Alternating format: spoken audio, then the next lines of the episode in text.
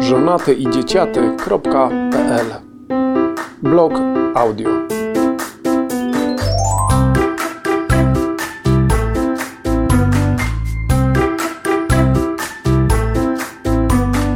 Czyta autor. Wskaźniki kultury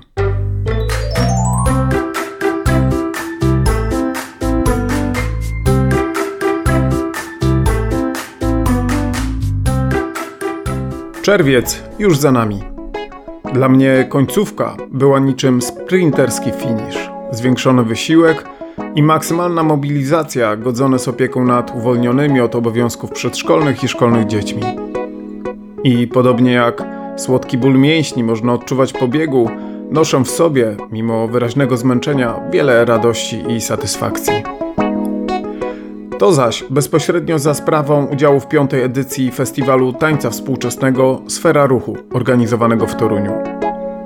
W trakcie tych kilku zwariowanych dni czerwcowych zastanawiałem się nad kondycją kultury w Polsce.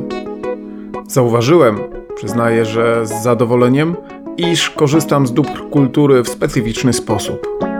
Nie szukam w niej okazji do wygładzania zmarszczek mózgu.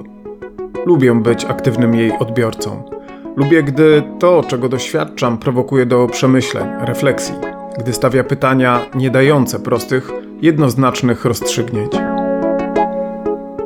W polu moich zainteresowań leży głównie teatr, również w wersji śpiewanej, a także taniec.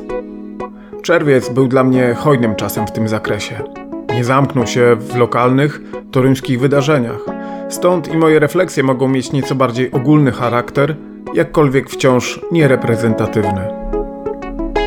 Jeśli przyjąć, że w każdym poważnym badaniu warto uwzględnić losowy dobór próby, to mnie udało się z przypadku i przez zaskoczenie, również bez najmniejszego wpływu na gatunek, repertuar i wykonawców, być na koncercie muzycznym, musicalu, pokazach tańca towarzyskiego i wzmiankowanym festiwalu tańca współczesnego. Oczywiście Doświadczałem ich nie w charakterze badacza, a zwyczajnie kulturobiorcy. I tu pojawiają się rzeczone w tytule wskaźniki. Po pierwsze, mój wskaźnik różnorodności kulturalnych wydarzeń, w których uczestniczyłem w tak krótkim czasie, osiągnął niespotykany dla mnie dotychczas poziom. Wskaźnik losowego doboru również osiągnął swoje maksimum. Absolutnie niczego wcześniej nie planowałem. Po pierwsze, dlatego, że czerwiec nie jest dla mnie szczególnie dobrym ku temu miesiącem z powodów wcześniej wzmiankowanych na blogu. A poza tym, nauczony doświadczeniem życiowym, nie przykładam zbytnio wagi do planowania. Przy czworgu dzieci plus przydatki, bezpieczniejszą jest według mnie strategia otwartości na okazje kulturalne.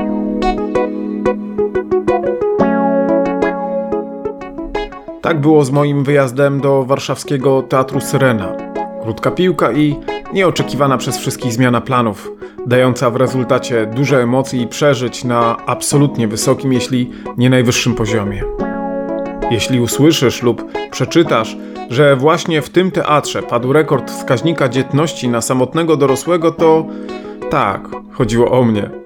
Pojechałem do Warszawy z sześciorgiem, ale do teatru z ośmiorgiem dzieci w wieku od 3 do 15 lat. O dziwo, obsługi teatru nie martwiła liczba dzieci, tylko wiek najmłodszych. Rodzina Damsów niekoniecznie jest spektaklem dla małych dzieci. Jednakoż naszym maluchom bardzo podobał się zarówno wystrój, ale też i muzyczne kreacje sceniczne. Śmiały się i klaskały w każdym razie samorzutnie i zawzięcie. Co ciekawe, nie oburzały się na obecne w sztuce podteksty seksualne. To w odróżnieniu od dojrzewających. I mimo tego, że to słowo na S, jak seks, nie padło ani razu. Pojawiły się poetyckie Zatańczysz ze mną, Gomeza kierowane do Martishi, ociekające zmysłowością nie do powiedzenia, albo Rodzice to robią, przyzwyczajaj się, które usłyszała Wednesday w ramach swojej edukacji seksualnej. Jak dla mnie najlepszy był Fester, ale pytając Zoję i Gajcie, najlepszą okazała się bułka po tym trzygodzinnym z przerwą spektaklu.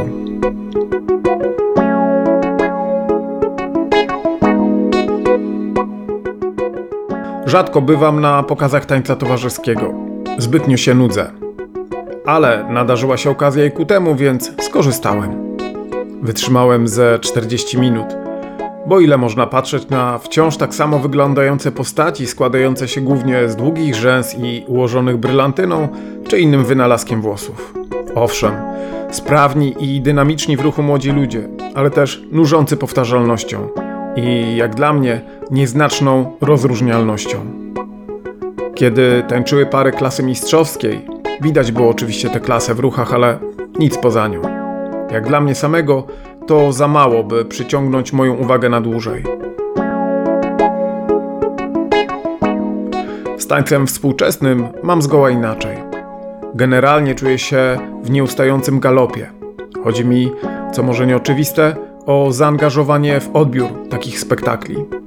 Oczywiście, że można oglądać je kontemplując wyłącznie piękno ludzkiego ciała w ruchu. Stroje tancerzy pozbawione są blichtru i blasku, jakkolwiek zwykle są szyte pod konkretne osoby i zawsze dopasowane do przekazu, który mają wzmacniać, wyrażać. Najważniejszym wyróżnikiem tej odmiany tańca jest obecność tematu, myśli, przekazu, który oddawany jest za pomocą ciała. Skąd biorą się pomysły na choreografię? Odpowiem na przykładzie tych, które można było zobaczyć w czasie dwóch wieczorów sfery ruchu. Uprzedzająco dopowiem, że nie tylko obejrzałem wszystkie spektakle, dyskutowałem je z innymi, ale też rozmawiałem z częścią tancerzy i choreografów. Myślę, że najkrótszą odpowiedzią na pytanie, skąd biorą się pomysły choreografii, jest to, że z życia. Z tego, co bliskie i znane, także z tego, czym ludzie żyją, czemu poświęcają energię, czego boją się, za czym tęsknią. W ostatnim wpisie wspominałem o mojej lubości do kawy. Czy można opowiedzieć o tym tańcem?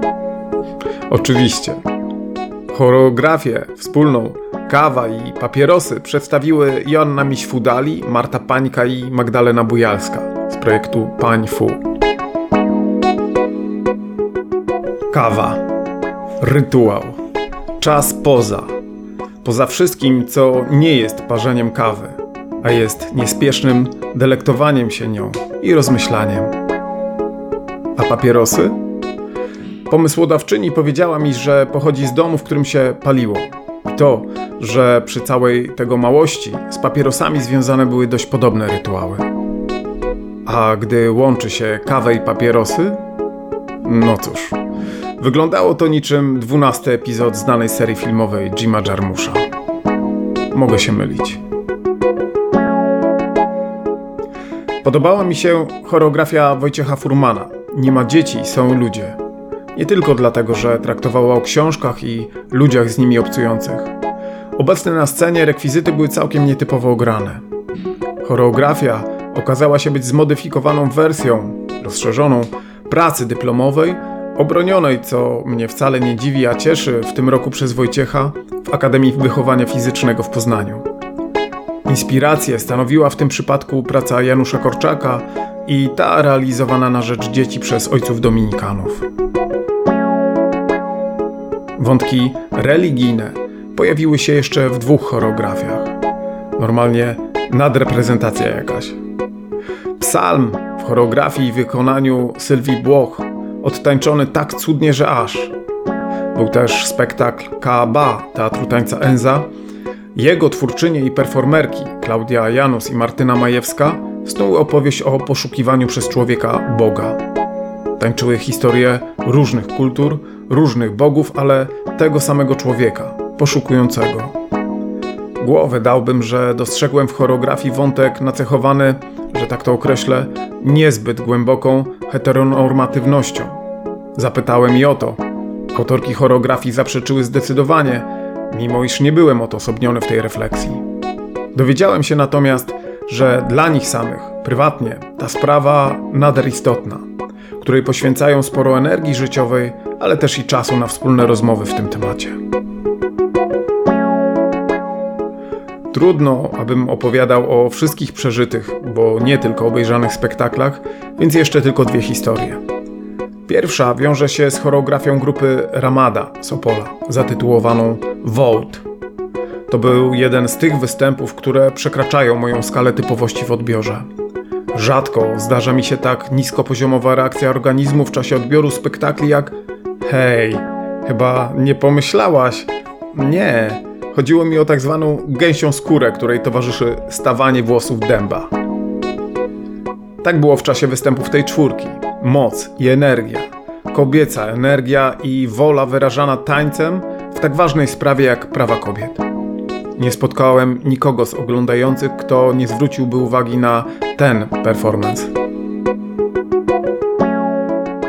Na koniec będzie bardziej międzynarodowo, choć wciąż ponadkulturowo.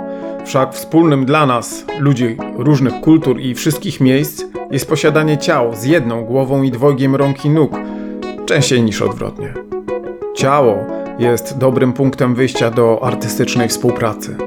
Odczuwamy je i rozumiemy w podobny sposób. Kultura może oczywiście cechować ruchy. Inaczej poruszają się rdzenni Afroamerykanie, inaczej tańczą Hindusi. Nawet pośród ludów Europy znalazłoby się parę różnic w sposobach wyrażania ruchem ekspresji. Gośćmi festiwalu byli Marion Sparber i Alan Fuentes Guerra. Ona z Włoch, on z Meksyku, mieszkający w Berlinie i występujący nie tylko w Europie, bo i na świecie. W Toruniu prowadzili również warsztaty Partnering Shared Levitation i zaprezentowali zbudowaną na tej technice choreografię Porcelain House. Fantastycznie było patrzeć, jak uczestnicy warsztatów uczą się swoich ciał niejako na nowo. Przypomnę, że mówię o osobach wyraźnie uzdolnionych ruchowo, by jeszcze bardziej świadomie i swobodnie partnerować sobie, wzajemnie oddając i przejmując ciężar całego ciała drugiej osoby. Zwisy, zawieszenia, podnoszenia, opusty, przejścia i podpory wszystko z delikatnością i dbałością o siebie nawzajem, w całkowitym zaufaniu. Po to, by w połączeniu z muzyką współdzielić i przenosić energię spiral z wnętrza na zewnątrz, z jednego miejsca na inne miejsce, by budować związki jaźni, by wyrażać emocje. Przynajmniej takie odniosłem wrażenie. Prawie półgodzinna choreografia Marion i Alana w czasie prezentacji mówiła językiem tańca o tej złożoności przestrzeni sensów i znaczeń między dwojgiem ludzi. W późniejszej rozmowie Marion potwierdziła mi, że w ten sposób mogą opowiadać tańcem o skomplikowanych międzyludzkich relacjach jedynie osoby będące prawdziwą parą. Tytuł choreografii Porcelain House odnosi się do japońskiej sztuki, filozofii tzw. Tak złotych blizn, biorących się z techniki sklejania rozbitej porcelany złotem, kintsugi. I tak jak w przypadku posklejanej porcelany powstaje nowa jakość, tak w przypadku ludzi zawsze stajemy się innymi osobami.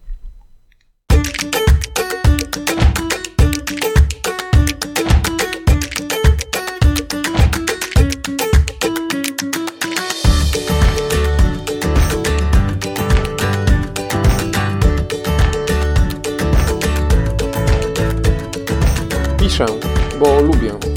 Nagrywam, bo mogę. Słuchasz, bo wspierasz.